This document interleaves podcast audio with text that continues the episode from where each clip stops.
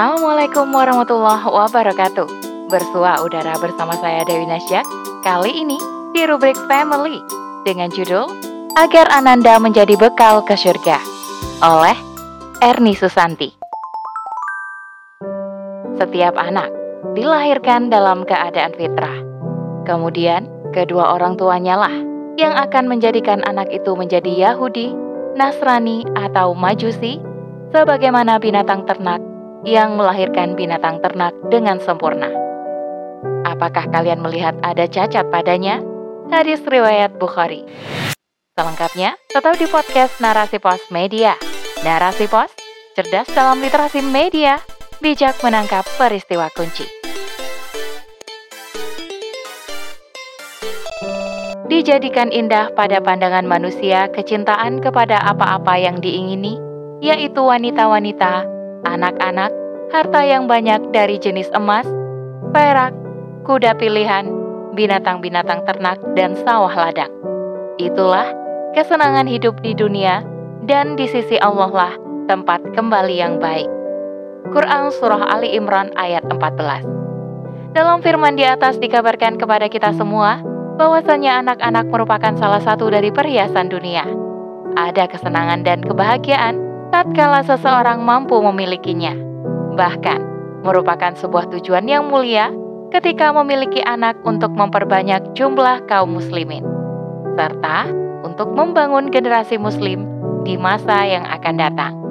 Namun, jangan sampai keberadaan anak-anak yang jumlahnya banyak menjadikan seseorang sombong dan berbangga diri kita harus berusaha agar tidak terjebak pada kecintaan terhadap anak berlebihan yang mampu mengalihkan perhatian dari menjalankan perintah Allah Subhanahu wa taala. Karena seindah apa pun perhiasan dunia, tidak akan mampu mengalahkan keindahan syurga. Sebaik-baik perhiasan dunia ia tetap fana. Begitulah peringatan Allah Subhanahu wa taala untuk para orang tua. Kehadiran buah hati memang selalu dinanti oleh setiap pasangan yang telah mengikat janji suci. Berkumpul kembali dengan mereka di surga adalah mimpi yang sangat ingin terwujud suatu saat nanti. Berharap besar bahwa anak-anaklah yang akan menjadi amal jariah bagi kedua orang tuanya, sebagaimana hadis yang diriwayatkan oleh Muslim dari Abu Hurairah bahwa Rasulullah Shallallahu Alaihi Wasallam bersabda, apabila seseorang meninggal dunia, terputuslah seluruh amal perbuatannya selain dari tiga perkara, yakni sedekah jariah, ilmu yang bermanfaat, dan anak saleh yang mendoakannya. Begitulah kabar gembira dari Allah Subhanahu wa taala tentang ananda kita bahwa mereka mampu menjadi bekal berharga. Namun, bersamaan dengan itu, telah dilimpahkan pula tanggung jawab untuk mendidiknya. Rasulullah Shallallahu alaihi wasallam telah memberikan kaidah dasar kepada kita semua bahwa seorang anak akan tumbuh sesuai dengan agama kedua orang tuanya. Setiap anak dilahirkan dalam keadaan fitrah. Kemudian kedua orang tuanya lah yang akan menjadikan anak itu menjadi Yahudi, Nasrani atau Majusi, sebagaimana binatang ternak yang melahirkan binatang ternak dengan sempurna. Apakah kalian melihat ada cacat padanya? Hadis riwayat Bukhari. Masih banyak keterangan baik dalam Al-Quran maupun hadis tentang besarnya tanggung jawab orang tua untuk mendidik anak-anaknya. Orang tua harus bekerja keras untuk memastikan anak-anaknya senantiasa dalam ketaatan kepada Allah Subhanahu wa taala. Bahkan merupakan sebuah kejahatan jika orang tua tidak mengajarkan kewajiban-kewajiban yang harus dilakukan seorang hamba kepada penciptanya. Betapa orang tua telah durhaka jika ia mengabaikan pendidikan kepada anak-anaknya. Memahami pentingnya pendidikan terhadap anak-anak maka menjadi kewajiban pula bagi orang tua untuk memberikan pendidikan yang mampu menghantarkan anak-anak pada kesalehan. Caranya tidak akan kita temui kecuali pada cara yang diajarkan Nabi Shallallahu Alaihi Wasallam, karena Nabi merupakan utusan Allah Subhanahu Wa Taala. Darinya terdapat teladan yang baik sepanjang sejarah dalam segala aspek kehidupan. Ajaran yang dibawanya mampu menjadi pelita yang menerangi alam semesta. Kita harus yakin dengan ajaran yang dibawa Nabi Shallallahu Alaihi Wasallam, karena ajaran beliau saja yang dapat kita jadikan rujukan. Dan jika direnungkan, ketika seseorang mencari contoh ideal dalam segala hal, maka akan didapati sosok Nabi Shallallahu Alaihi Wasallam saja yang memiliki gambaran jelas dan lengkap. Dalam perjalanan kisah Nabi, kita bisa menyaksikan bagaimana menjadi orang tua yang baik, menjadi kakek atas cucunya, hingga bagaimana menjadi guru yang mampu melahirkan generasi-generasi emas. Rasulullah Shallallahu Alaihi Wasallam telah mengajarkan banyak hal bagaimana agar kita bisa menjadi orang tua atau menjadi pendidik yang baik.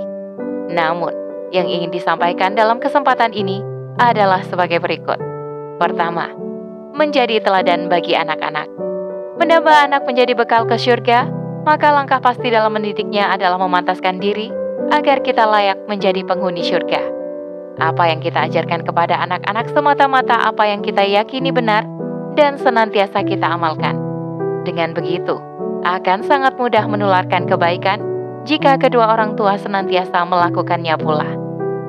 Menurut Muhammad Kutub dalam karyanya Manhaj At-Tarbiyah Al-Islamiyah, kemampuan seorang anak untuk mengingat dan mengerti akan segala hal sangat besar sekali. Bahkan, bisa jadi lebih besar dari yang kita kira. Sementara sering kali kita melihat anak sebagai makhluk kecil yang tidak bisa mengerti atau mengingat.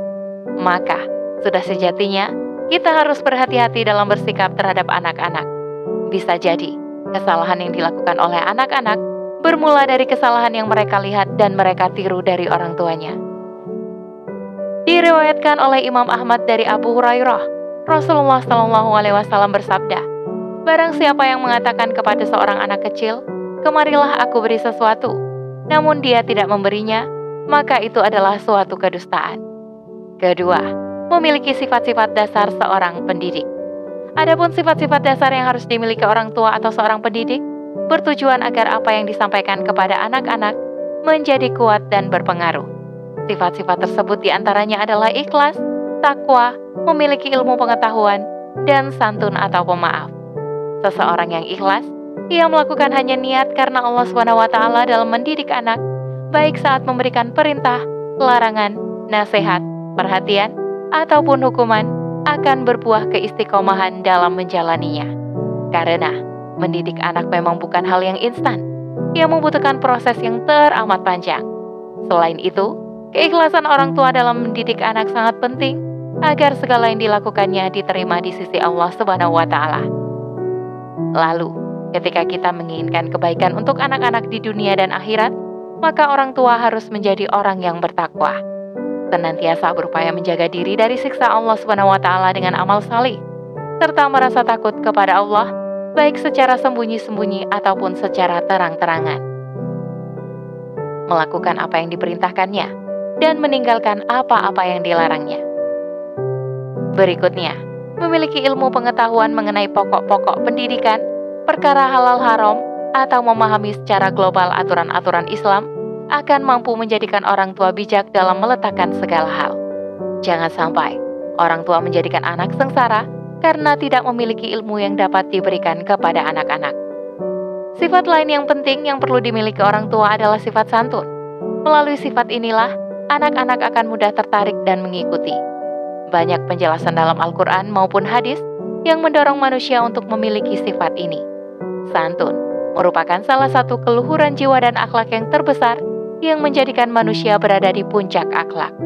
Sesungguhnya, pada dirimu ada dua hal yang dicintai Allah, santun dan tidak tergesa-gesa. Hadis riwayat Muslim. Sementara dalam hadis lain yang diriwayatkan oleh Bukhari dan Muslim, bahwasanya Rasulullah Shallallahu Alaihi Wasallam bersabda, mudahkanlah dan jangan mempersulit. Berilah kabar gembira dan berilah kabar gembira dan jangan membuat lari. Demikianlah beberapa langkah yang bisa kita upayakan agar anak tidak menjadi fitnah di dunia, agar tidak saling menuntut pula kelak di akhirat. Betapa gembiranya ketika kita sebagai orang tua bisa memetik hasilnya kelak. Sebagaimana seseorang yang dapat berteduh di bawah pohon rindang yang telah susah payah ditanamnya. Kita memang manusia biasa yang tidak luput dari kesalahan.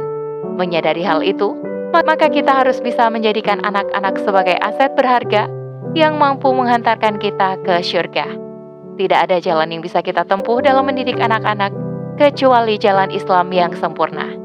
Tak lupa, kita senantiasa berdoa kepadanya, Ya Allah, berkahilah kami di dalam anak-anak dan keturunan kami. Jagalah mereka dari segala keburukan. Jangan engkau bahayakan mereka, dan berilah kami kebaikan mereka. Wallahu a'lam bisawab.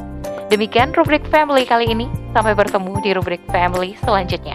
Saya Dewi Nasjak undur diri. Afu minkum. Wassalamualaikum warahmatullahi wabarakatuh.